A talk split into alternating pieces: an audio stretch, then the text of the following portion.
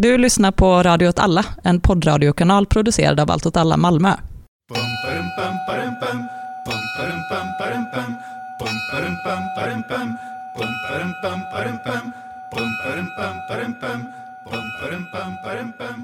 Hej, välkommen till Eldorose. Det är Martin här och jag har med mig Myran.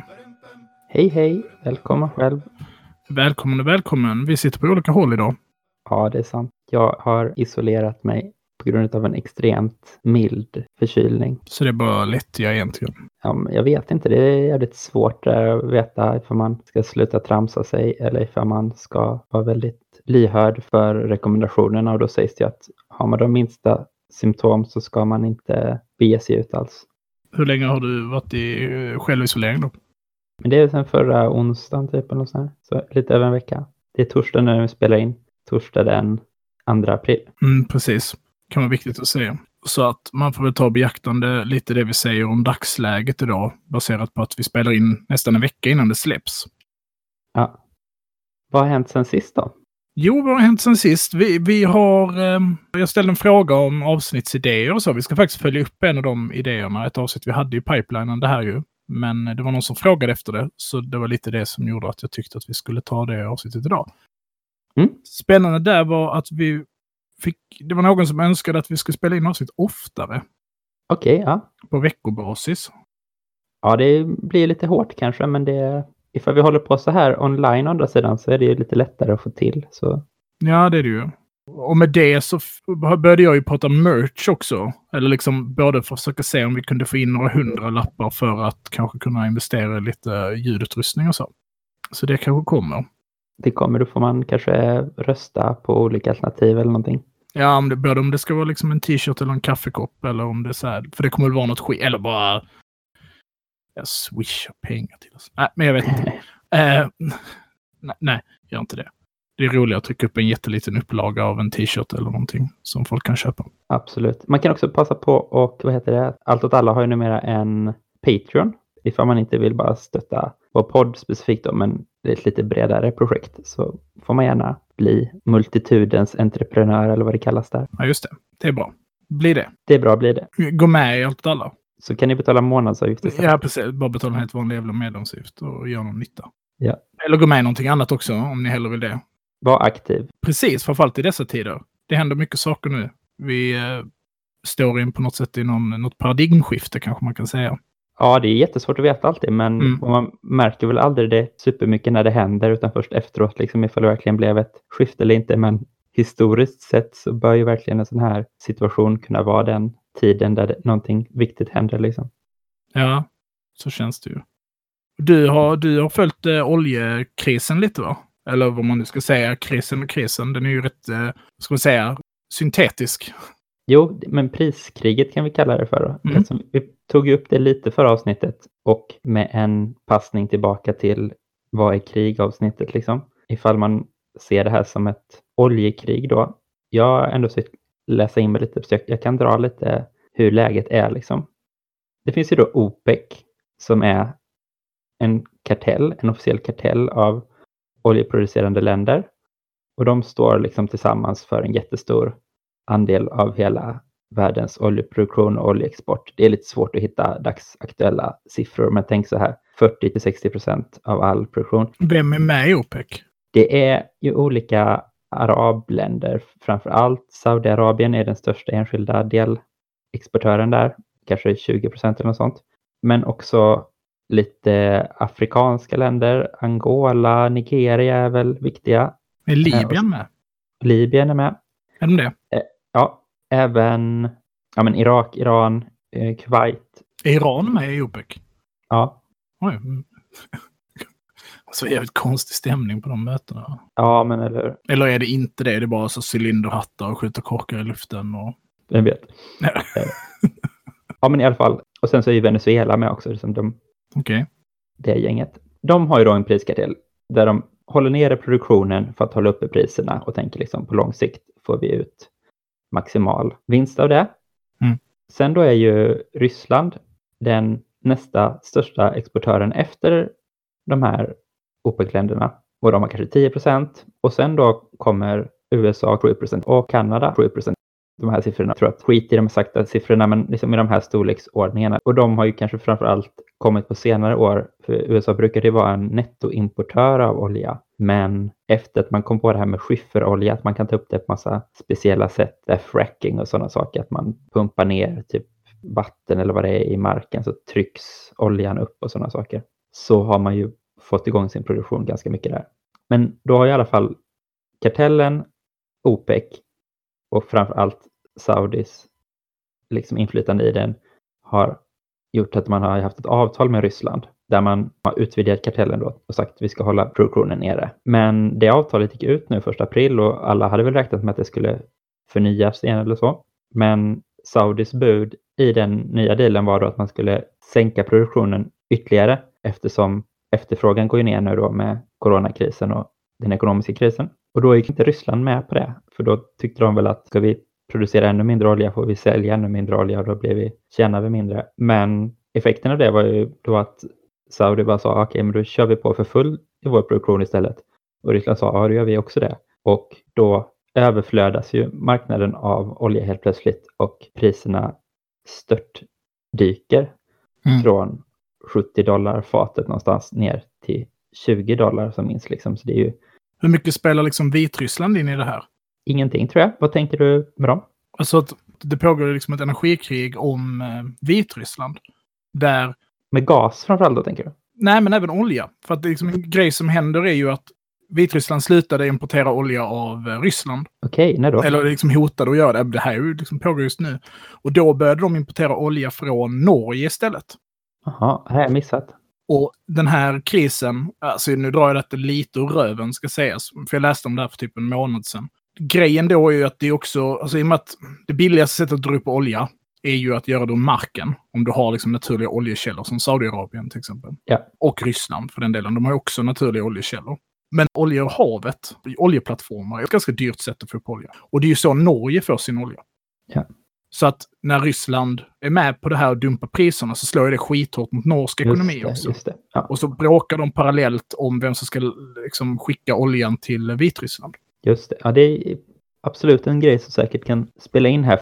För det är ju ologiskt i grunden att både Ryssland och OPEC tjänar ju uppenbart bara ha sin kartell igång nu.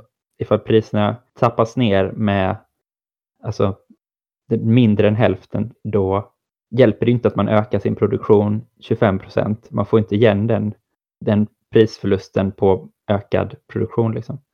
Så det är ju frågan, varför gör de det här? Det vet man inte riktigt. Då spekuleras det i att det ska vara ett chicken race, liksom se vem av dem pallar det här längst. En annan teori är ju då att man just med att de som har den billigaste oljeproduktionen, ifall det kostar 5 dollar per tunna för Saudiarabien att ta upp sin olja, så kan de fortsätta och ändå göra vinst även när oljepriset är 12 dollar per tunna, per fat säger man väl. Medans för Norge då, ifall det kostar 30 för dem, så går de minus nu.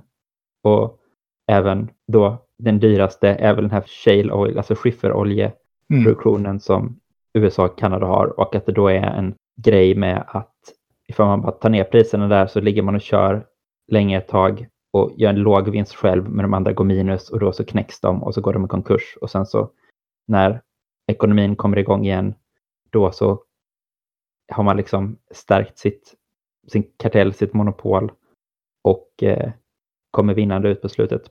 Men det finns också en annan jättespännande grej. I sådana här tider när priset sjunker riktigt mycket så är det många som bara bunkrar olja för att man vet att priset kommer att gå upp i framtiden. Så man bara fyller på sina stora depåer, alltså stora rum man har med för bara, alltså cisterner man har för att bara lagra olja, men också typ oljetankers, att man bara fyller en hel tanker full och så bara kör man runt den på världshaven tills priset har gått upp igen, vilket är så absurd grej. Ja, det låter inte som en så här, vi har den här ändliga resursen som hela världens ekonomi är baserad på. Ja. Ja, jag menar, det, det, det dämpar ju helt enkelt fallet då tills man har fyllt upp alla de här lagren och då, då blir det liksom ytterligare en krascheffekt när okej, okay, nu kan vi inte ens köpa olja och lägga på lager längre. Och då är tanken då att Saudi gör ett stresstest, att de liksom vill se hur lång tid tar det att fylla upp alla lager och vad händer när vi gör det? Vilka, vilka knäcker vi då? Vilka ekonomier? Och en helt bisarr sak som verkar hända är ju att de som har oljeproduktion nära kusten och kan få ut i tankers och så där, för dem kan det ändå inte bli hur olönsamt som helst då, så länge någon vill ha olja liksom. Men de som har sin produktion mitt inne på en kontinent, de måste liksom transportera oljan skitlångt och det är mycket krångligare för dem. Ifall då marknadspriserna sjunker så drabbas de extra hårt. Och det har lett till den helt absurda situationen att i Wyoming i USA så är det till och med ett negativt oljepris. Fattar du vad det innebär? Oj. Va, vad tror du att det innebär alltså? Ett negativt oljepris? Att man får betalt för att ta emot den? Ja, man får betalt för att ta emot olja från en oljeproducent. Jag fattar inte riktigt hur det är så, för att man känner ju bara, då är det bara att trycka på off och låta bli att pumpa upp olja tills det är över. Men det kanske är, det är väl något tekniskt med det. Man kan väl inte riktigt göra det? Du kan inte riktigt stoppa en olja, alltså i och med att det är där trycket underifrån. Nu är jag verkligen ute på djupt vatten här. Ja, men jag också. Ja, jag vet faktiskt inte allt det där, men det, jag tror att det är något sånt att det inte är lätt att bara stänga av, stänga på, utan det fort, och ifall man ska göra det då kanske man måste vänta med att sätta igång ett halvår för att det tar skitlång tid att fixa upp det igen. Så att man vill inte stänga ner liksom. Och då... Precis. Det enda jag vet om oljekällor är att under Gulfkriget så tände irakiska armén eld på oljekällor för att eh, försöka dölja sin eh, termiska signatur, alltså sina, sin egen värme, när de mötte M1A1 som hade liksom termiska sikten, värmesikten. Just det. Och så stod de i, brinnande, liksom i närheten av brinnande oljekällor och skulle ha stridsvagnsdueller. Kan säga att det inte funkar om någon vill testa det hemma. Men de, de kunde identifiera dem ändå. Men ja, det här, hela den här grejen har faktiskt då lett fram till att något bolag har konkat nu i Kanada eller USA. Det är sånt frackingbolag. Ja, precis. Mm. Men du, alltså fan, kan du inte du läsa vidare om det här med Vitryssland? För under tiden Mm. du pratade nu så lyssnade jag med ett öra och så kollade upp om jag hade fått, om du hade rätt där med gasen. Men det handlar faktiskt om olja. Och det handlar om Norge. Och det handlar väl i princip om att Moskva har sålt olja jävligt billigt till Minsk. Just det. Och nu så skulle de göra ett nytt avtal och då liksom villkorade i princip Ryssland det med att, menar, att de skulle liksom knytas närmare med andra ekonomiska samarbeten. De ville helt enkelt få Vitryssland att komma närmare. Och då sa Vitryssland nej till det. Och då sa Ryssland okej, men då får ni ingen billig olja av oss längre. Och då sa Vitryssland okej, vi köper den av Norge. Och jag har förstått som att norska ekonomi har tagit ganska mycket stryk av den här krisen. Mycket för att det landet inte har någonting annat heller. Nej, precis. Ja, jo, men det tror jag också de har bestämt att ha någon superintervention i ekonomin på något sätt. Men de har de här jävla oljefonderna som är hur stora som helst som är lite till för att kunna Mm. också styra upp sådana situationer. För man kan ju tycka att Vitryssland då någonstans säger att vi väljer det här NATO-landet istället. Ja, för att köpa vår olja. Och det är ju ett rätt stort fuck you till Moskva liksom. verkligen. I alla fall, Ja. sista grejen i det här är ju att idag så verkar Trump ha typ ringt till någon saudisk prins och varit så, nu fuckar ni inte med Ryssland, nu fuckar ni med oss, det här måste ni sluta med. Och OPEC har kallat in till krismöte eller specialmöte på något sätt. Och då hoppade så här oljeterminerna 30 procent upp på fem minuter. Liksom. Mm. Alltså, vilket är, det är ju helt bizarra prisrörelser. Verkligen. Ja. Frågan är vad det sätter liksom Iran för spelläge just nu. Ja, man skulle verkligen vilja vara en fluga på väggen på det Mm. OPEC-mötet sen när Saudi och Iran ska diskutera sina gemensamma ekonomiska intressen. För det måste ju också finnas någon aspekt i det här liksom. Ja, okej, Saudi kanske vill knäcka amerikanska skifferolje, shale oil-bolag. Men ifall USA säger, ja men vi är ju kompisar, vi, ni får inget militärstöd ifall ni ska hålla på och jävlas med våra företag. Då lär de ju backa på det ganska snabbt. Ja, den där relationen är, spännande mellan Saudi och USA. Vem det egentligen är som bestämmer över vem där. Ja, så kan man också tänka såklart. P- Precis. Och det kanske inte är så enkelt att det riktigt går att säga vem det är som bestämmer över vem. De har ett punggrepp om varandra, ett dubbelt. Ja, alltså för Saudi militärt sett är liksom inte helt 100% slutna till USA. Alltså det är de ju. Gulfkriget visar det tydligt. Där USA bara utkämpar ett krig åt dem. Ja. Men om du tittar på till exempel vilken militär teknologi och så de har så är den ganska spridd. Den är inte så, vi köper bara av USA. Jaha, okej, jag trodde det var väldigt... Nej, nej, de, de har lite franskt och så, lite tyskt och ganska stor blandning faktiskt. Det låter ju smart ifall man har mycket pengar att... Ja, de har ju verkligen den dyraste grejerna. Alltså de länderna är ju verkligen, som vi pratade om i Jemen-avsnittet, där var inte vi med, men liksom där Förenade Arabemiraten har Leclerc som enda andra land i världen. Och Leclerc var liksom världens dyraste stridsvagn när den kom. Och var världens dyraste stridsvagn ganska länge. Och av liksom, vad är det nu, 800 eller 1000 som existerar så har de hälften. Liksom. Ja. Sidospår. Du, är du färdig med... Ja, men jag tänker det, är spännande att när det här släpps om en vecka kan allt det här ha förändrats helt jävla totalt. Det är roligt att tänka på. Ja. Och läskigt såklart.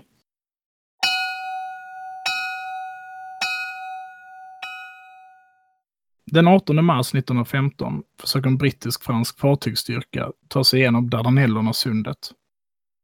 En fartygsmina skadar ett av skeppen svårt.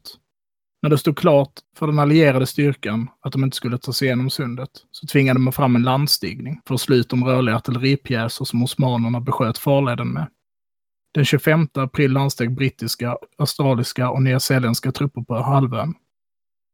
Motståndarna var få, men väl placerade i bergen vid landstigningsplatserna. Högt uppe på en kulle stod då en man och höll ett historiskt tal som innefattade orden Jag beordrar inte er att strida. Jag beordrar er att dö. När de allierade trupperna till slut drar sig tillbaka har 53 000 stupat. Vem var mannen på kullen, Myren? Kemal Atatürk. Mustafa Kemal Atatürk. Och vad fan har han med vad vi ska prata om idag att göra? Ja, men lite ändå får man ju säga eftersom vi ska prata om Turkiet. Vi ska prata om Turkiet. Vi ska prata om en händelse som sker nästan hundra år efteråt. Mer än hundra år efteråt. Ja. Den 15 juli 2016. Försöket Ja. till statskupp i, i Turkiet. Och Atatürk blir ju en landsfader för hela, för Turkiets moderna liksom framväxt. Man pratar ju om kemalismen som en viktig ideologi. Ja, precis. Han är ju fältmarskalk och sen liksom landsfader och revolutionär när det Osmanska riket faller sönder. Så skapar han Turkiet. Och en turkisk identitet. Den rörelsen skapar liksom en turkisk identitet bortom det här imperieriket då som har funnits tidigare. Och det handlar mycket om sekularism och progression. Att man ska bygga ett modernt land, liksom. Ja, modernism. Ja, precis. Den vilar liksom på en rad grundpelare. Folket, liksom demokrati, inflytande, intellektualism, sekularism och så vidare. Och när det Ottomanska riket faller sönder så gör de ju det till stor del efter att första världskriget eh, är över. När centralmakterna förlorar och Turkiet, eller Ottomanska riket har ju anslutit sig till centralmakterna och strider framför allt mot eh, Mot Storbritannien, eller? och Ryssland Ja, just det. genom Kaukasus. Det faller sönder för att eh, det Ottomanska riket har gått med i eh, centralmakterna. De stödjer liksom Tyskland och Österrike-Ungern i världskriget. Så Och- förlorar de det. Och när man förlorar ett världskrig, då faller man sönder sen. Ja, så britterna ockuperar ju Konstantinopel. Och det uppstår liksom en turkisk nationalistisk rörelse i detta. Och, och ledaren för den rörelsen är ju eh, Mustafa Kemal Atatürk då. Det det är väl liksom i den egenskapen han är då landsfadern då. Och i den rörelsen så skedde det ju liksom en konflikt mot de imamer som tidigare haft centralpolitisk roll i riket då. Ja, okej.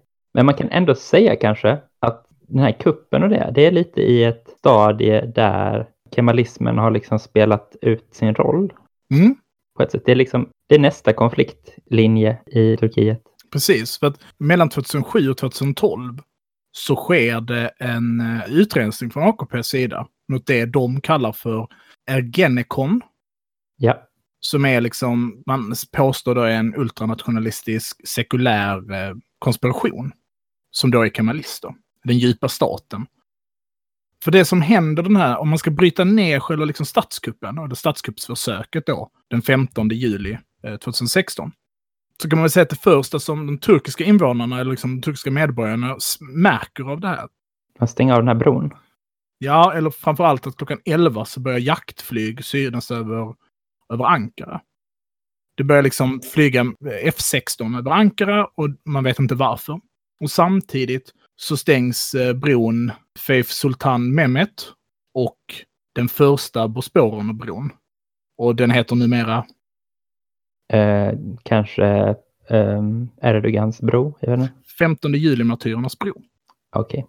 i Istanbul då, de här två broarna. De, de stängs ner. Eh, Militärpersonal anländer, det, tror det är tre stridsvagnar på, på spåren av bron och ett gäng stridsfordon.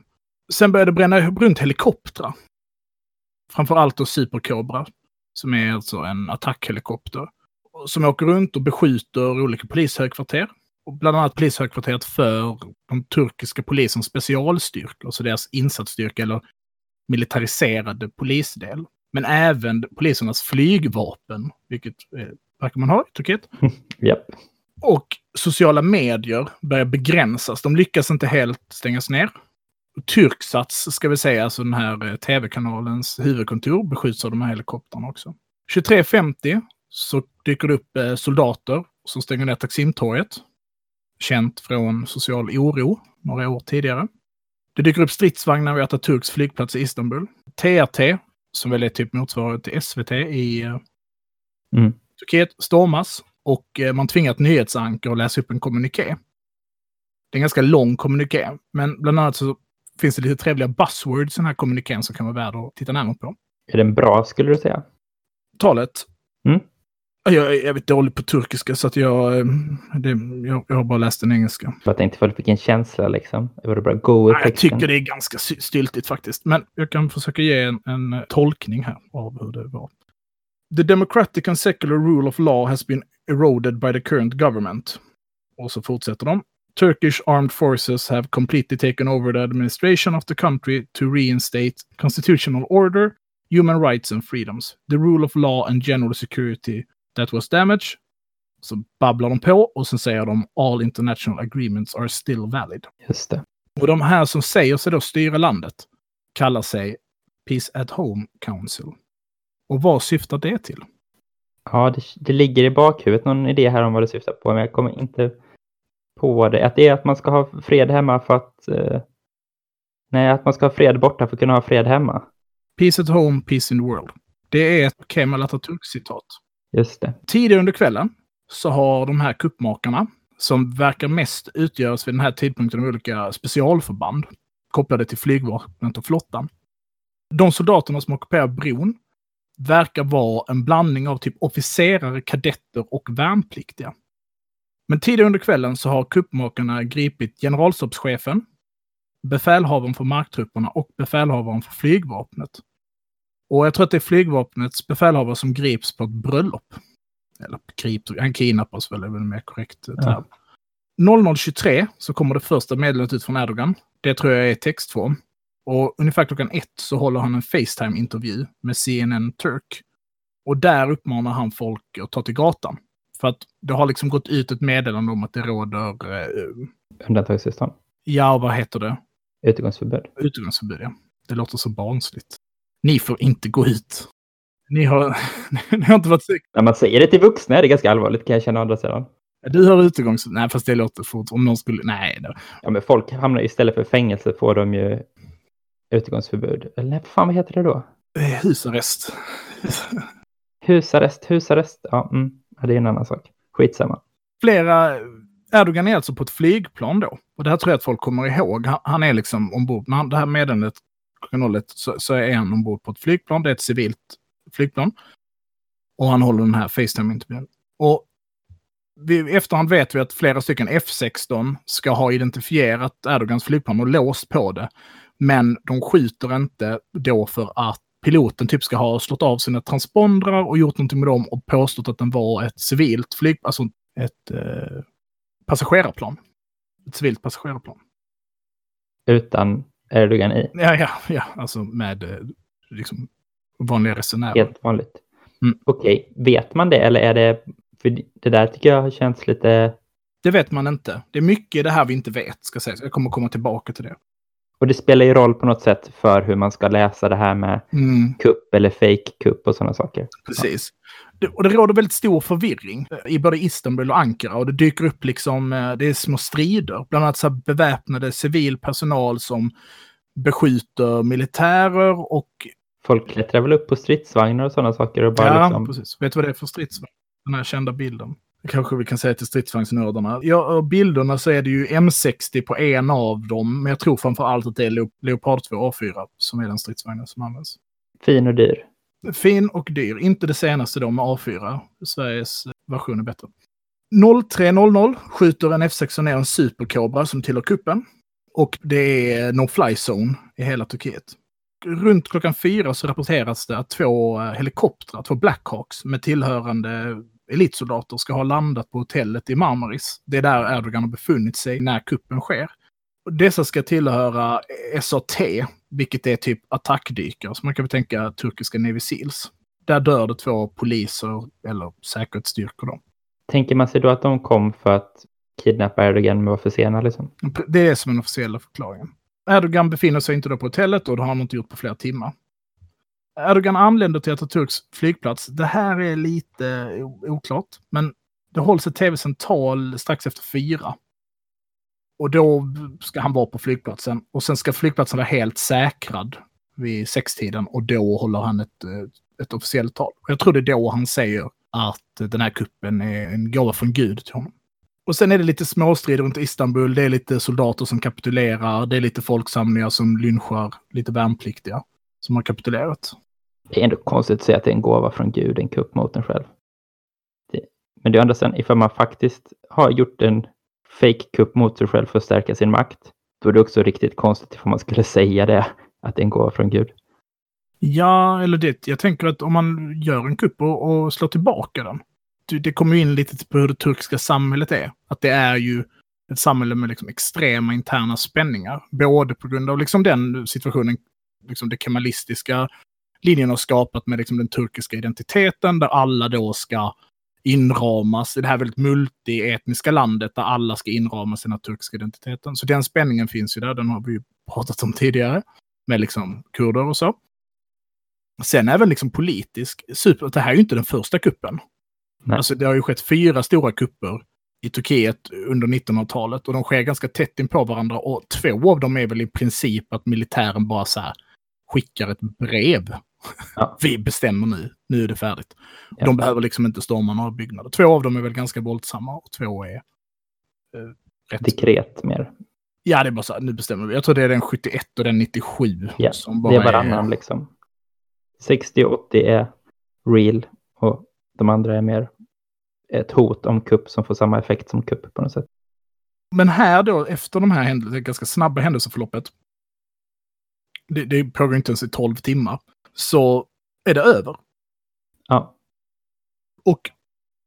Sen börjar efterspelet. Precis, och det är väl efterspelet som är spännande, för ganska snabbt pekar ju Erdogan ut vem det är som ligger bakom det här. Han refererar väl till det i tal som de i Pennsylvania. Ja, just det. Och då syftar hon på? Gullen. Gyllen. Precis. Hur säger man? Jag vet inte. Gullen tror jag, eller Gullenrörelsen. Ja. Och de har väl ett annat namn som är så här Masrimrörelsen. Någonting. Och kan du berätta lite om dem? Ja, men det kan jag väl. Jag är inte superkoll. Men if, ifall man tänker sig då det här kemalistiska Turkiet under lång tid med sekularism och så, så fanns det också motrörelser mot det. Och den ena viktiga är ju då som blir AKP, alltså de som styr nu, som satsar på att vinna val och så. Men Gulenrörelsen har liksom en annan inriktning som kanske kan likna med Muslimska brödraskapet eller så, att man ett nätverk och det är så mycket affärsmän och också då den religiösa konservativa biten. Man ska väl säga att de också då försöker på något sätt vara den här kompromissvilliga, progressiva mm. islam på något sätt. De, de är liksom konservativa på ett sätt. Men så moderna konservativa på något mm. sätt. Ja. Mycket så väldigt marknadsliberala till exempel, mycket fokus. Och sen samtidigt så är de ju väldigt icke-sekteristiska i sin relation till andra religioner. Ja, precis. Träffar påven och så. Deras ledare då, ska det är väl alltså gulen då. Ja. De har satsat på ett annan väg. De har ju satsat på att man ska ha de här nätverken, man ska ha massa domare och sådana saker, man ska kontrollera sådana viktiga instanser, men de ställer inte upp i val. Och om någonting så samarbetade de istället med AKP och hjälpte dem fram mot den här djupa staten, militären så som fanns innan. Men det skär sig där då 2013 va? Efter Jesse Park-upproret, liksom protesterna. Just det. Innan dess har båda samarbetat. mot militären eller den djupa staten. Men alltså, för, för det är väl så att Fethullah. Gulen, Fethullah Gulen, han går ju landsflykt. Mm, när är det han gör det? Det måste vara innan. Han gör det 99 och då gör han det för att han blir anklagad för att vara islamistvänlig. Så han blir ju liksom driven ut av kemalisterna Ja. till USA. Och alltså, den officiella förklaringen är väl att han så här, av medicinska skäl behövde lämna landet och sen var det rätt uppenbart att han stack för att han visste vad som var på väg. Och jag tror att om man ska liksom, jag tänker, när jag läste det så tänker man lite på det som en typ av islamsk eh, kalvinism nästan. Mm, berätta mer, vad tänker du då? Men att det är så, man ska göra rätt för sig, man ska jobba, man ska tjäna pengar, alltså det är liksom man ska slita. Man ska inte lägga sig i så mycket vad andra håller på med. Ja, okej. Mm. Jag tänker, jag har också fått lite den här frimurarvibben på något sätt. Liksom. Ja, men det är väl ett resultat av förtrycket mot muslimer som man ändå får prata under kemalisterna. Alltså att, att du, det tvingar ju fram den typen av strukturer. Alltså Erdogan var väl eh, liksom fängslad i perioder eller behövde liksom eh, så, så att... Ja, visst. Absolut. Men Jo, men det är ju det, det, 97 så är den här sista kuppen, dekretkuppen eller så. Mm. Där säger man ju, går man ut och säger nu har AKP fått för mycket inflytande här. De måste avgå eller så. Mm. Och att varför- Erdogan också varit... För, eller liksom... Just det. Han var ju då borgmästare i Istanbul och blev förbjuden att hålla på med politik i tio år eller något sånt. Just det. Just det. Och därför när då, för det som händer är väl att AKP får till någon folkomröstning eller någonting om ifall de ska få vara med på något sätt. Och vinner också valet jättestort och då kunde liksom med så tydligt resultat kunde inte militären gå emot folkopinionen här. Ja, just det. Det fanns ett, liksom ett revolutionshot på något sätt. Eller man ska Ja, säga. precis. Mm. Och då är det ju inte Erdogan som blir president eller vad det är, utan det är han, hans, den andra grundaren av AKP, Mm. Abdullah Och, Gül, inte Gulen utan Gül. men Erdogan blev premiärminister. Ja, för att, för att han lyfter då den här förbudet mot att verka politiskt för Erdogan. Liksom.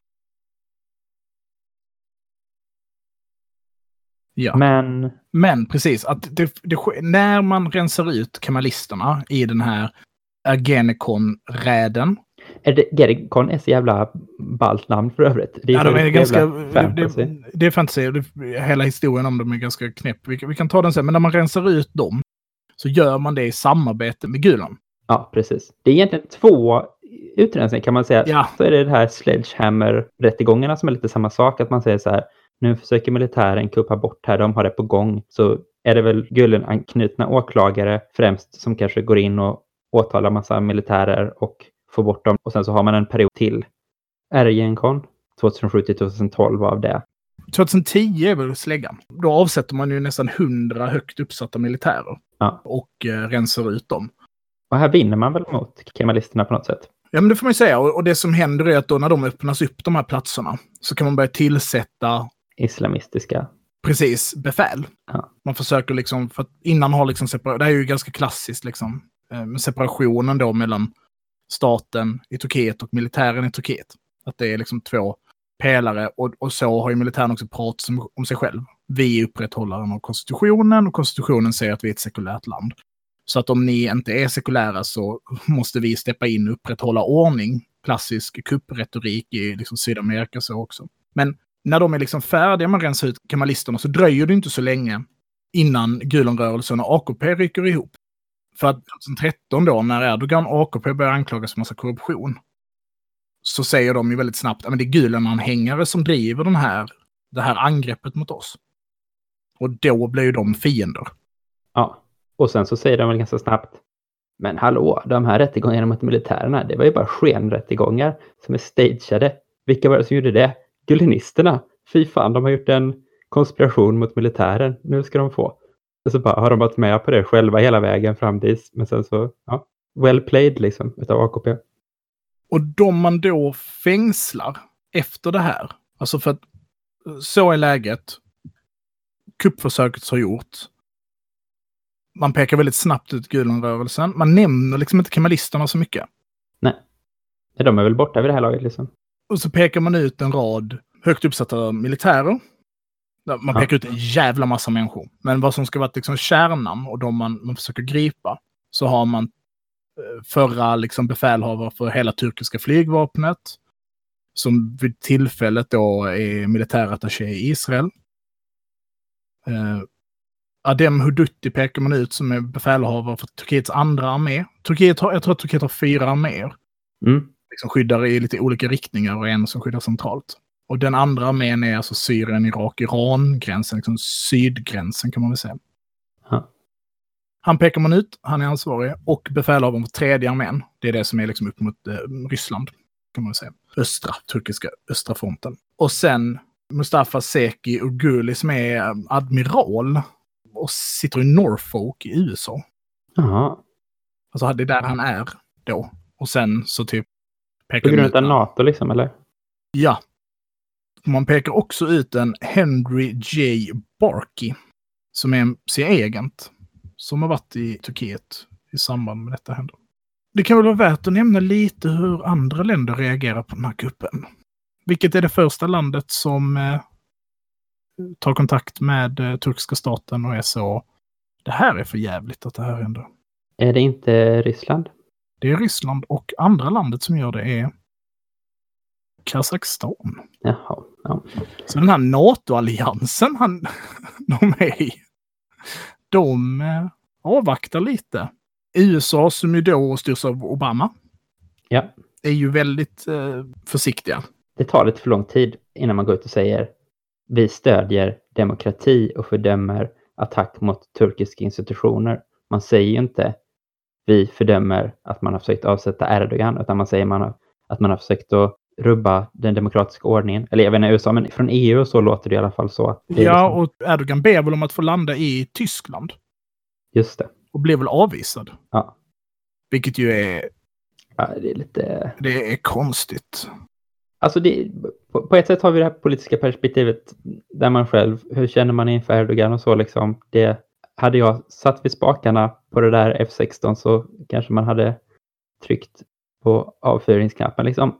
Men En jätterolig tanke att du är ett stridsspel. ja, verkligen, det är helt... Också turkisk stridsspel. Hur fan hamnade Va, vad säger ni på radion? Jag förstår ingenting. Jag bara trycker på knapparna. Tryck på knapparna. Ah! Nej, men, men, men liksom ifall man tänker på det statusrelationer till varandra och så. Ni ansöker om för, Ja, och det här NATO-alliansen. precis, ni är med i NATO-alliansen. Ni ansöker om att komma med i EU. Vi har förhandlingar, vi har massa olika avtal och så. Och sen så försöker någon kuppa bort er och då är vi så, "Ja, oj, ska vi vänta lite och se vad som händer innan vi säger vad vi tycker om det? Alltså, Mm. Ja, det var också många tidiga reporter från typ BBC och så som är så här, den här kuppen kommer att vinna. Den har... Alltså att man var väldigt så... Det är ingen chans att de klarar det här. Nu äntligen har folket rest sig mot förtryckaren. Ja. Men där var väl Carl Bildt väldigt snabbt ute och var väldigt så statsmannamässig ändå. Var så, Ja, men han gillar eh, Turkiet. ja just det, han är den som har suttit och få med dem lite. Mm, i, ja. mm. Han är jävla... Han gillar väl ayatollan i Iran också. Han är som han är. Men, Ja, men hans, han är som hans han är. poäng där var ju ändå rimlig på något sätt. Så här, vi kan inte hålla på och så här Stödja olika kupper.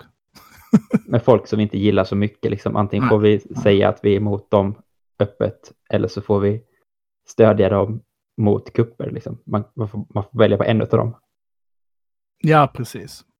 Men om vi tittar på den här kuppen då, alltså för det finns lite olika saker man kan liksom, man kan gå ner och rota i händelseförloppet och så. Men om man försöker ta sig liksom förbi den här Wikipedia-berättelsen på något sätt, som vi ganska mycket har gått igenom nu. Aj då, ska, vi gå förbi min enda informationskälla? Vi ska det faktiskt. Jag har grävt lite djupare än så. Fan. Vi kan få lite Wikipedia-kunskaper till. Men alltså efter kuppen då, så kan man väl säga att man är ju jävligt redo på det här. Ja. Och man rensar ut, man sp- spar fan inte på krutet. 45 000 försvarsmaktsanställda, poliser, domare, borgmästare, tjänstemän. Lärare också var en del. 15 000 lärare. Och alla universitetsdekanus, heter det så? Dekanus? Ja, dekaner. I hela landet. Oj. 163, Jag var 163 högre befäl. Det utgör alltså 45 procent av landets totala Ja, jävlar. Ja. eh, liksom, högre, högre befäl. Min spontana fråga är, Man släpper till och med ut en hel del fångar. jag skulle ju säga det, var får man plats med de Ja, här man, folken? sen? man tömmer liksom fängelser för att få plats med de här. Om man tittar på de här listorna då, för då kommer vi in till liksom den andra biten av detta. Och det är ju så här, är detta en riktigt dålig kupp? Eller är det här Erdogans riksdagshusbrand? Ja. Det är det som blir frågan. För om vi tittar på de som blir gripna, så är det så. En av de åklagare som stod med på listan över kuppmakare när man publicerade de här, var, jag tror det är augusti så 2016, så publicerar man liksom listor på alla som ska gripas och som varit inblandade i kuppen. Då finns det med folk som, som är döda, som dog i maj 2016. ja. Råkar stå kvar på listan. Precis. Det finns folk som så här eh, ligger i koma eller har fel. Alltså de har sin gamla gradbeteckning och sånt. Mm. Ja. Så ganska mycket tyder på att de här listorna finns. Ja. En annan grej då att Gülenrörelsen, den var liksom inte så stark inom militären. Alltså, Nej. de fanns inom militären, men de var till och med ganska illa omtyckta inom stora bitar av militären. Och den retoriken som kuppen använde var inte Gülen-retorik. Utan med kemalistisk retorik. Den var liksom solklart kemalistisk. Man refererar ju direkt till Kemal bara i själva namnet. Just det. Vi pratade tidigare om att Erdogan befinner sig på semester i Marmaris, som är en stad i sydvästra Turkiet kan man säga. Han alltså hade lämnat hotellet, det varierar lite siffror, men liksom upp till fyra timmar innan soldaterna som ska gripa honom dyker upp. Just det. Om man ska titta på en kupp, om någon lyssnare funderar på att göra en kupp, så är det liksom tre huvudsaker man måste göra. Och, och det här är liksom i, i prioriteringsordning. Vi kan börja omvänt. Det tredje viktigaste ni ska se till att ha gjort. Pejsa. Jag gissar. Ta media. Precis. Stäng kommunikation. Nummer två. Gissa. Man kanske ska ta de andra militärerna som säger emot en. Mm, precis. Pacificera armén, säkerhetsstyrkor, polis, whatever. Nu är det riktigt spännande för nummer ett här. Ja, Jag, jag, jag, tror jag kan ha Jag, gissat. jag kan gissa den här. Vad tror du? jag- Ja, men det skulle kunna vara att man ska gripa ledaren för hela landet. Precis. Kidnappa, skjuta, vad som helst. Pacificera ledaren eller ledarskiktet. Mm. Om vi vänder på det så börjar de med att försöka pacificera armén bitvis. Mm. Sen försöker man stänga kommunikationen. Och sen sist Ja. gör man ett halvtaskigt försök. Alltså, och då är det ju till och med så att det är mycket möjligt att de är uppe och letar efter Erdogan i luften Ja. innan. De här kommandosoldaterna från SAT, de här turkiska Navy Seals, landar och försöker döda honom. Och det uppges att den, det, nu börjar det bli så här foliehattsvarning på det här, men så djupt har jag varit runt och läst om det här. Härligt. En amerikansk tidning, om det var typ Business Insider eller något sånt, alltså en, ändå en, liksom en erkänd tidning, hade en artikel som handlade bland annat om de här soldaterna som stormade hotellet i Mamris. Och det dog två poliser, eller de här två säkerhetsvakterna där. Och, och de sägs ha dött i en eldstrid. Men på obduktionen så verkar en av dem blivit knivhuggen till döds. Mm. Och det, det är liksom inte, det är ju inte omöjligt så här. Att Nej. man skjuter ihjäl den ena och, och den andra ger sig så hugger man ihjäl honom. Man höjer på ögonbrynen. Den officiella berättelsen är att de blev ihjälskjutna. Den ena är inte ihjälskjuten. Den här kuppen hade ungefär, jag tror totalt kan man väl prata om 8000 soldater som har varit verksamma i den här kuppen. Det utgör liksom 3% av Turkiets totala stående militär. Mm. Får jag ställa en fråga där? Ja. Du sa att de som var på bron var officerare. Värnpliktiga kadetter. Ja, så, så det som saknas är meniga där liksom? Eller vad? Nej, de kan ju vara de värnpliktiga, men man saknar liksom yrkessoldater.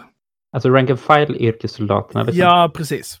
Officerarna är ju yrkessoldater såklart. Det verkar helt enkelt vara att utbildningsofficerare eller motsvarande har beordrat med värnpliktiga ut Ja. för att utgöra liksom kärnan av den här, den här truppen. Det är alltså inte så troligt att de soldaterna var insatta i den här planen, utan efterhand ska det visa att många av dem säger så här, de sa till oss att vi skulle göra en övning. Mm. Så att man hade 3% av militären med sig som tog aktiv ställning för den här kuppen mot 97% av armén. Å ena sidan tänker man då, ska jag ha, vara säker på att man har fler med sig innan man börjar med sådana här saker? Å andra sidan brukar det inte vara en snöbollseffekt ofta. Att det är det man får igenom kuppen med. Så kan det mycket väl vara, att man tänkte att det här skulle liksom visa sig. Men vi kan ta ett mycket tydligare exempel. När man stänger den här första Bosporerna-bron som vi pratade om tidigare med 50 soldater. De här tre stridsvagnarna, ett eh, stridsfordon och, och eh, fyra lastbilar. Så befinner sig alltså befälet för första armén, som inte deltar i kuppen och uttalar sig väldigt tidigt. Jag tror till och med att han varnar eh, MIT, eller varnar Erdogan för kuppen. Han befinner sig på en militärbas som ligger 15 minuter bort från den här bron. Och han har liksom en ordentlig trupp. Han åker inte dit. De hade bara lätt kunnat öppna den här. Ja. Det verkar ju vara då. Jag hittade en, en jättebra rapport. Jag rekommenderar den. Eh, Den var ganska lång. Jag har ögat igenom den och försökt läsa. Skriven av något som heter Stockholm Center for Freedom. Som är en stiftelse av turkiska journalister i exil i Stockholm. Som har skrivit en, en rapport om den här kuppen. Den är väldigt detaljerad. Rekommenderad läsning. Och de ställer liksom en rad frågor som de då menar tyder på att den här kuppen... Jag skulle säga att deras take är då väl det tredje alternativet från de här. Var det en misslyckad kupp? Var det Erdogans riksdagshusbrand? Eller var det något mittemellan? Det, det finns en riktig kupp på gång, men vi har bara full koll på den. Säkerhetstjänsten, full, vi bara låter den hända så liksom. För, och det kommer vara perfekt för oss. De menar att det finns, förutom att det finns liksom en uppsjö av liksom direkta lögner från turkiska staten efter det här, så verkar det som att klockan två så ska en major inom flygvapnet kontaktat turkiska säkerhetstjänsten och varnat dem. Okej. Och det finns två huvudsakliga, liksom. Både den varningen tvingar dem att börja agera tidigare, men också att en general, Semi Terzi, han blev ihjälskjuten av en lojalist i ett väldigt, väldigt tidigt skede i den här kuppen. Och att han spelar en väldigt central roll i beslutsordningen. Och det störde liksom ut hela kuppens plan och kanske då fick andra delar av militären att få kalla fötter. Så det är inte riktigt en tydlig slutsats där heller i rapporten, utan det. Ja, de menar väl att de börjar sin berättelse 11 juli. De menar att det finns tecken på att turkiska staten redan då vet om det. Men det senaste tiden den turkiska staten vet om det är klockan två. Samma dag. 11 juli, det är alltså fyra Mm. dagar innan då. Precis, att de redan fyra dagar innan visste om att den här kuppen skulle ske. Och det styrker de med liksom, ja men, till exempel så ändras eh, ceremonier för olika befäl. Och det är ju liksom, ja, läs rapporten, den är väldigt lång, men sammanfattningsvis menar de att det finns en rad tecken på att staten börjar bete sig väldigt annorlunda fyra dagar innan den här kuppen. Som är att den förbereder sig. Ja. De pekar också ut att det är väldigt så här, de som dör i kuppen verkar mest vara ganska oviktiga personer sett i det stora hela. Fan vad trist ändå att dö i en fake-kupp bara för att det ska synas att det har dött lite folk liksom. Ja, och då kan man tänka sig att de dödade folk som... Att de liksom driver liksom på, att de är, de är väldigt redo, de vet vilka de ska få en ursäkt att ha ihjäl. Mm. Och rapporten menar väl att den här kuppen hade kunnat stoppas. Alltså den hade liksom aldrig behövt ske. Om man hade velat. Jag tänker sig ändå så att allting inte är bara ett stort skådespeleri liksom, utan det finns en genuin kuppvilja någonstans ifrån. Men man låter den ändå ske för att efteråt så kommer man ha fritt spelrum att ändra spelplanen och ta till massa repressiva åtgärder och gripa alla de här tiotusentals människorna och så. I den här rapporten är det nästan, nästan mer drakoniskt än så. Eller vad man ska säga, brutalt. De menar till exempel att om man tittar till vilka man har pekat ut som ansvariga för kuppen. Ja. Då är det alltså befäl som har ungefär 200 000 soldater underställda sig. Mm. Och de valde att använda då 8 651 av dem. Ja. Och att om du tittar vilka de här kuppmakarnas trupper har dödat, så är det väldigt, väldigt få politiker. Utan det är nästan bara civila. Ja. Och här gör de ett case som, ja, som bygger på, jag vet inte om du känner till, eh, jag kanske har pratat om dem tidigare, men de heter eh, Sadat. Känner du till det? Känner till namnet men jag kommer verkligen inte ihåg något. Sadat är en paramilitär, liksom en legosoldatsorganisation. En islamistisk legosoldatsorganisation väldigt nära kopplad till Erdogan. Okej. Den här rapporten då och andra källor menar att legosoldater kopplade till Sadat dödar civila för att få det att framstå som att det är militären som har gjort det. Okej. Och vidare så menar de att AKP också beväpnar civilister. För att det ska bli mer strid liksom. Precis, och det styrker de bland annat på att det finns en hel del filmer på civilister med MP5, en tysk k-pist, som man inte får äga i Turkiet. Alltså man kan inte få civil eh, vapenlicens på den. Och att i efterhand när journalister och så rotat i det här så är polisen helt enkelt av med en del MP5. Mm. Så att AKP också har beväpnat civilister. Det kanske inte är jättekonstigt å andra sidan. Ja, nej. Ja. Nej, alltså, det, det är en kupp. Man beväpnar. Det går lite livat till. Ja, ja, men, men hade det varit en vänsterregering, om vi säger att det varit Chile, så hade du inte vi suttit här och tyckt att det var konstigt om Allende hade börjat Nej, nej, öppna upp vapenförråd för att stoppa Pinochet. verkligen inte. Så de bygger liksom upp en berättelse som säger att Erdogan visste om kuppen, han kunde ha stoppat den. I bästa fall var det så. Men att det finns saker som tyder på att han också till viss del liksom orkestrerade kuppen. Inte liksom styrde den direkt, utan hade folk inne i strukturen i kuppen. Ja. Så kunde få den åt olika håll. Bland annat finns det en person som pekas ut för att ha varit deltagare i kuppen, som avskedas, som är en högt uppsatt befäl, och som sen återanställs igen.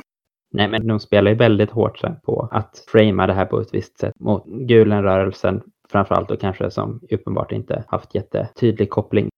För man söker på det här på YouTube, bara, som vi har gjort istället för att läsa på en riktig rapport, så får man ju massa TRT-inslag där de då radar upp bevis på att det är en Gulenkupp liksom, för att den här personen fanns där och så. Och jag menar, det är ju säkert kanske rätt i sak, de här bevisen. Liksom. Det här var en Gulen-anhängare, de hängde på den här kuppen, men det är ett extremt hårt drivet case. Liksom. Det finns en, en spännande liksom en av platserna som pekas ut var central då. Vi pratar om att flygvapnet spelar ju uppenbart en central roll i hur den här kuppen sker. Det är framförallt flygvapnets trupper som används. Det är mycket helikoptrar, det är F16 och så. En central anledning till att man pratar om varför kuppen misslyckas är för att turkiska säkerhetstjänsten har tillgång till luftvärnssystem.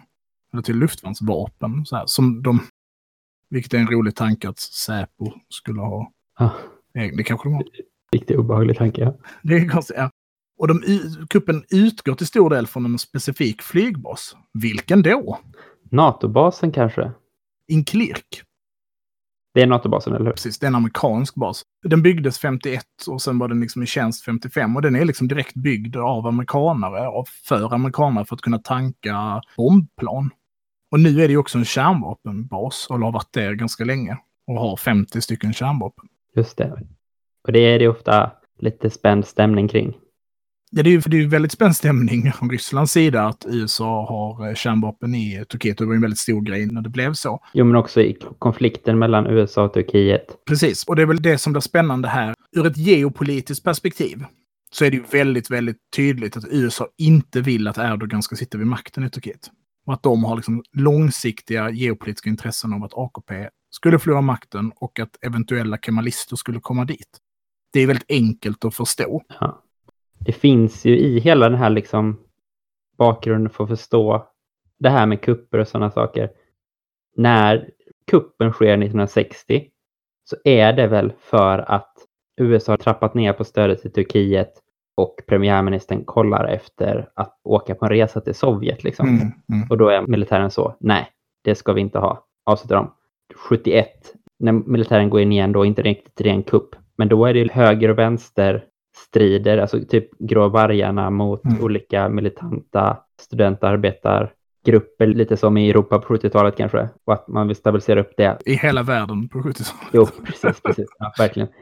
Och så fortsätter det 80 är också den bak- vänster-höger-konflikten bakgrunden. Och att liksom NATOs intressen och USA uppdelningen också att det finns polisernas egna styrkor och sådana saker är ju kanske mer Europavänliga medan säkerhetstjänsten då ska vara mer amerikansk tillvänd och militären liksom. Och att det här med den här idén om den djupa staten och så är ju väldigt reell. Alltså inte bara det här med kupperna utan även så. Det finns exempel den här skandalen 1996 som heter Susurluk-skandalen eller någonting. Mm. När jag tror att det i princip är så att typ säkerhetstjänsten får en bil att krascha och i den bilen sitter någon polis och någon militär eller någonting. I utredningen av den här så uppdagas det att polisen tillsammans med maffian och militärer driver liksom något nätverk som vill ha riktigt mycket krig mot PKK. Och presidenten som dog året innan en hjärtattack, någon general som dog i en flygkrasch hade varit så fredslinjen liksom. Mm. Presidenten och en högt uppsatt militär kanske blev mördade av liksom den djupa staten för att de skulle få ha det här nationalistiska kriget mot PKK. Också att i den strukturen, den här djupa stat shady nätverket så fanns också Gladio NATO-nätverket, vet du, counter Stay behind är det ju. NATO-struktur som fanns kvar sen Sovjet, att man skulle, ifall Sovjet invaderar ett NATO-land så skulle det finnas en liksom grilla, Mm. counter-grilla kanske de heter, ja, en, en grillastruktur som kunde resa sig upp. Precis, för Agenicon som vi pratade om tidigare. Mm. eh, I liksom berättelsen om dem så är det ju Gladio i Turkiet. Helt enkelt Stay Behind-rörelsen i Turkiet. Att det fanns en sammansvärjning och, och den är nog högst reell. Alltså så. Man hade förberett för en situation där ett eventuellt sovjetiskt maktövertagande eller liksom ett sovjetvänligt maktövertagande i Turkiet och då hade man förberett delar av militären och liksom tjänstemän och politiker för att kunna bedriva motstånd. Precis som det fanns i Italien och i Tyskland och kanske i Sverige då också. Eller Kanske sköt de Palme. kanske sköt de Palme. Och när man rensar ut dem 2007 så pratar man liksom öppet om det. Att den här strukturen. Två spår på det du är inne på här. Är ju det ena. Vad säger kommunisterna och vad säger PKK om den här kuppen? När den sker? Vet du det? Nej. Eller typ att de inte vill ha kupp va? Kommunisterna är så, det är ju kör, nu tar vi Erdogan. PKK säger skydda era områden. Lägger inte i kuppen. Nej. Spännande, två olika perspektiv. Men om vi kommer tillbaka till det här med stay behind. Precis som du säger så är det ju riktigt dålig stämning mellan USA och eh, Turkiet vid den här punkt, tidpunkten. Och den, den blir ju värre. Den blir också värre av att Ryssland är det första landet som sträcker ut näven till Erdogan. Och den här konflikten pågår ju då när Turkiet väljer att köpa ryska luftvärnssystemet S-400 istället för att köpa Patriot. Och på så sätt så sparkas också Turkiet ut ur F35-samarbetet. Alltså utvecklandet av stridsflyget F35. Det här är något som sker förra året och i år kan man säga. Precis. Ja, och, och det börjar ju redan knaka då. Alltså 2017. Och då ska ju sägas att Turkiet har investerat en miljard i att bygga strukturer för att kunna producera flygplansstommen, kan man säga, skelettet till F35. Och det skulle de göra, alltså till hela F35-produktionen. Så skulle Turkiet stå för produktionen av skelettet till flygplanet. Så att när de blir utsparkade ur det, att de inte får det längre, så är det ju också en extremt stor ekonomisk förlust för Turkiet. Sen hade de å andra sidan själva beställt 113 stycken och de kostar ju typ Guatemalas BNP eh, styck. Så att det kanske blev en plusaffär till slut. Det är ett pyramidspel som sagt. Ja, precis. F35 är bara ett stort pyramidspel. Och en av förklaringarna till varför Turkiet väljer att köpa S-400 istället för Patriot hänger liksom direkt ihop med kuppen. Det finns en förklaring där i. Som är att Att man vill kunna skjuta ner sina egna stridsflyg ifall de använder sin kupp mot den och då kan man inte använda Patriot mot det tror man. Nej, men precis. För att, för att i Patrioten så finns det stora begränsningar i att låsa på, Amerikanska mål. ja, eller på, på, på, på sina egna flygplan. Det systemet fungerar så. så en förklaring till S-400 är att om den situationen uppstår igen så hade man velat skjuta ner sina egna flygplan. Men det kunde man inte den här natten. Vilka är det som ska göra det då? MIT, eller, alltså säkerhetstjänsten, eller polisens flygvapen som ska skjuta ner? Eller ser man till att den som är befälhavare över det turkiska flygvapnet, den har man verkligen koll på. Ja. En annan linje i detta då, som knyter tillbaka till det här med stay behind, det är ju att euroasianismen, du känner till det begreppet? Mm, är det han, den tokiga ryssen med skägg? Ja, Du- Dugen. Dugen, ja, precis. Att rent politiskt så är detta liksom en väldigt stor framgång för den politiska linjen som ju helt enkelt handlar om att liksom Euroasien på något sätt ska knytas ihop och bli en, en motpol. Och att Ryssland hade liksom direkta intressen i att det skulle göras en misslyckad kupp från kemalister men anknytning till USA. Okej, ja. Och det kan man ju se efteråt. Alltså hur mycket närmare Ryssland och Turkiet har kommit varandra. Ibland. Sen så strular ju Syrien till det ganska hårt. Ja, Fast de, de har ju ändå nu, just nu genomför de liksom gemensamma patruller i Idlib. Jo, jo, absolut. Ja, men det hade väl varit bättre stämning ifall man inte hade stött varsin sida i inbördeskriget i Syrien. Absolut. Eh, absolut. Så det är ju en spännande tanke. Att det väldigt direkt spelar i den här som vi har pratat om i tidigare avsnitt utan att helt fastna i någon konspiratorisfobisk eh, på att Ryssland ligger bakom allting. Men att det också geopolitiskt är ytterligare en sån sak som spelar väldigt väl i liksom det ryska narrativet. Mm.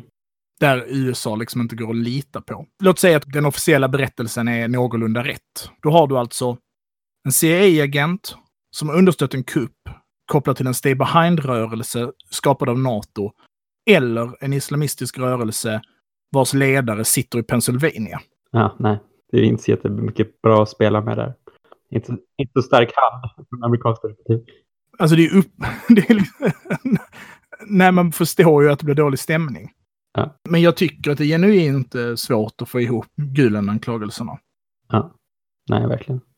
Och om det är Gulen som ligger bakom den så kan det inte vara menat att lyckas. Nej, han måste vara smartare än så. Nej, men framför allt så tänker jag att den går liksom direkt motsatt. Kuppen pratar ju om att liksom Återinföra gamalistisk- sekulärt, ja Mm. precis. Och det, det, Nej, ju, det är konstigt ja.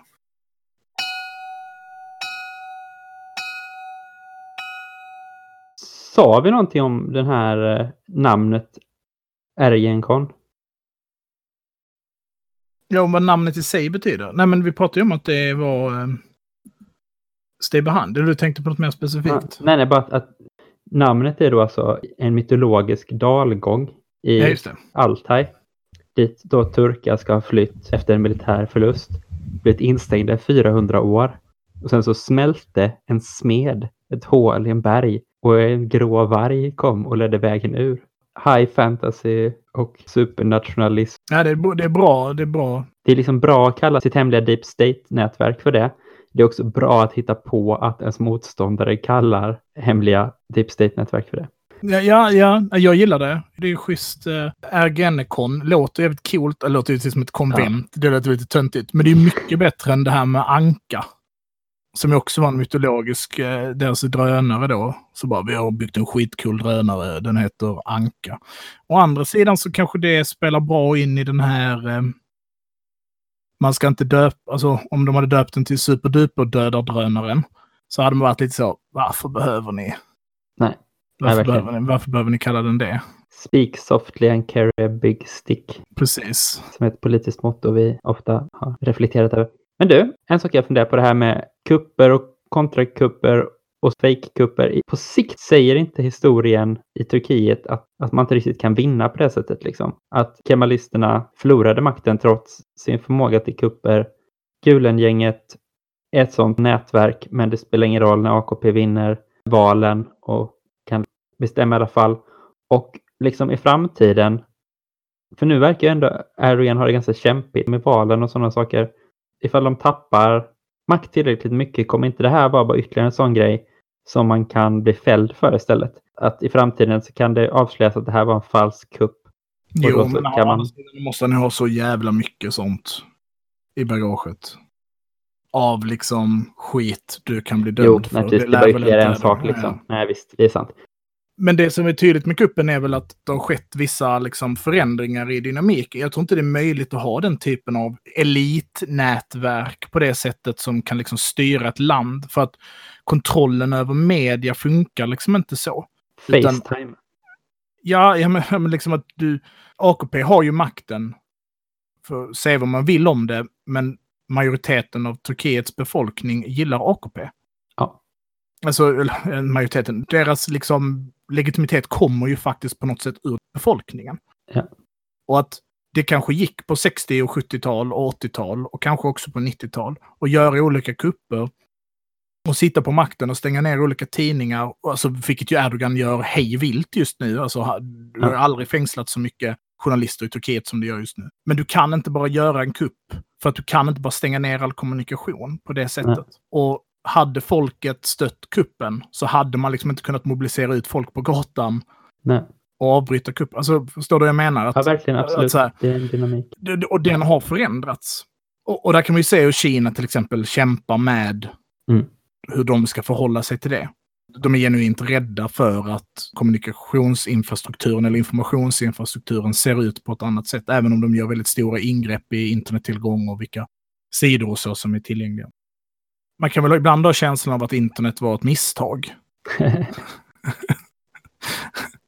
Ja, det beror på vad man surfar in på. Så nej, nej, jag älskar verkligen internet. Men du förstår vad jag menar?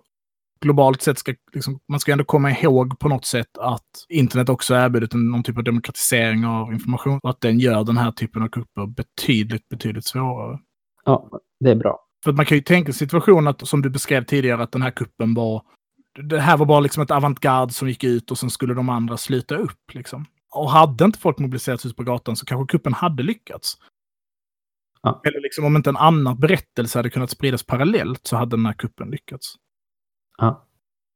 Men eh, ja, nej, det är lite för stort för att jag ska kunna uttala mig om det. Så. Men det var ju en jävla tabbe att de inte dödade Erdogan. Och det tycker jag är det som talas, som verkligen talar emot att den här kuppen var menat att lyckas på det sättet. Den känns ju som att den var framtvingad. Den var stressad. Ja. Men att klippa Erdogan liksom, borde ju varit det första målet. Ja, Prioritet ett liksom. Då faller befälsordningen. Hur ska, vad ska... Ja, sen börjar ju AKP slåss som vargar om makten.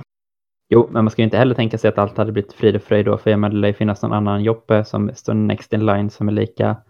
Ja, ja, ja. Jag menar inte att den hade vunnit då eller att det var avgjort. Jag tycker att den här kuppen ser ut som att de var dömda att misslyckas från början och att den kanske gjordes i ett desperationsförsök för att de visste att de var påkomna till exempel. Alltså att de blev tvingade att utföra sin operation tidigare. Men det är väldigt tydligt att det var ett stort problem för dem. Åtminstone bara kunnat gripa honom, vilket hade ju också förändrat möjligheterna för vilket rörelseutrymme försvaret mot kuppen hade haft ifall de hade suttit på Erdogan. Ja, men sammanfattningsvis kan man säga bara kort. Det spelar inte så stor roll ifall kuppen var ett riksdagshusbrand eller inte. Den användes ju som det. Och den var uppenbart dåligt planerad och dåligt utförd. Ja. Hoppas det blir bättre i Turkiet framöver. Ja, för fan alltså. Det är nog dåliga tider i Turkiet just nu alltså. Mm. Jag såg att de skickade till medicinskt bistånd till Spanien, vilket var roligt. Ja, det såg också att deras kurva på insjuknade och döda sticker ganska hårt så det kanske är så dumt att skicka iväg. Spanien var väl också det enda landet som var så här, vill ni ha hjälp i er invasion av Rojava? Just. Så här, De har något funky going. Tack så mycket för att ni har lyssnat. Följ oss på Facebook eller rörelse. Eller på Twitter. Trojkan 1337. Slukhall. Tack och hej! Tack och hej! Bum parum